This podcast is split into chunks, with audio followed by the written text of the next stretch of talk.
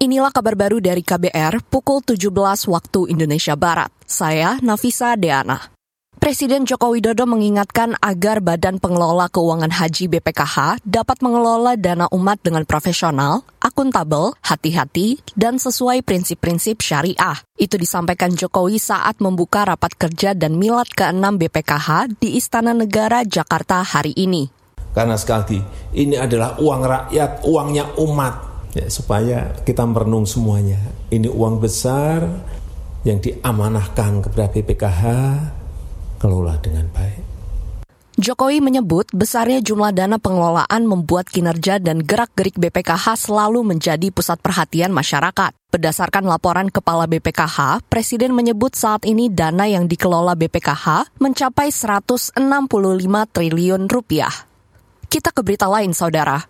Bekas Wakil Ketua DPR Aziz Syamsuddin telah mendapat status pembebasan bersyarat dari Direktorat Jenderal Permasyarakatan Kementerian Hukum dan HAM. Lewat keterangan tertulis, juru bicara Ditjen Pas Kemenkumham Dedi Edward Eka Saputra mengatakan, Aziz mendapatkan total remisi enam setengah bulan. Kata dia, yang bersangkutan telah menjalani pidana dan berkelakuan baik berdasarkan sistem penilaian pembinaan narapidana. Dedi mengatakan politisi Partai Golkar itu sudah mendapatkan pembebasan bersyarat sejak 18 Agustus 2023 dan saat ini masih menjalani wajib lapor. Sebelumnya, Aziz Syamsuddin difonis tiga setengah tahun penjara atas kasus suap. Dia kemudian menjalani hukuman penjara di lapas kelas 1 Tangerang, Banten. Selain itu, Majelis Hakim juga mencabut hak politik Aziz Syamsuddin selama empat tahun. Aziz dinyatakan bersalah lantaran memberi suap kepada ex penyidik KPK AKP Robin dan pengacara Maskur Hussein lebih dari 3 miliar rupiah.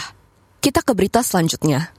Dinas Kesehatan DKI Jakarta menyebut dua kasus kematian COVID-19 merupakan pasien lansia dengan penyakit penyerta atau komorbid. Kepala Seksi Surveillance Epidemiologi dan Imunisasi Dinkes DKI Jakarta, Ngabila Salama menyebut, kasus kematian ini muncul setelah sebelumnya nihil kasus kematian pada Oktober dan November 2023. Kedua kasus pada lansia ya, keduanya wanita usia 81 dan 91 tahun.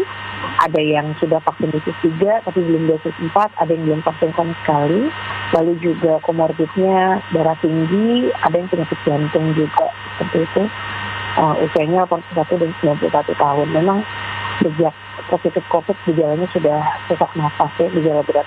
Kepala Seksi Dinkes DKI Jakarta Ngabila Salama menambahkan akan terus melakukan penelusuran kontak erat kepada pasien-pasien yang terdeteksi COVID-19 melalui tes PCR. Selain itu, kata dia, Dinkes juga telah menyiapkan sekitar 6.000 dosis vaksin dengan rata-rata penyuntikan 100 dosis per hari, dan itu stok untuk satu bulan ke depan. Inilah kabar baru dari KBR pukul 17 waktu Indonesia Barat. Saya Nafisa Deana.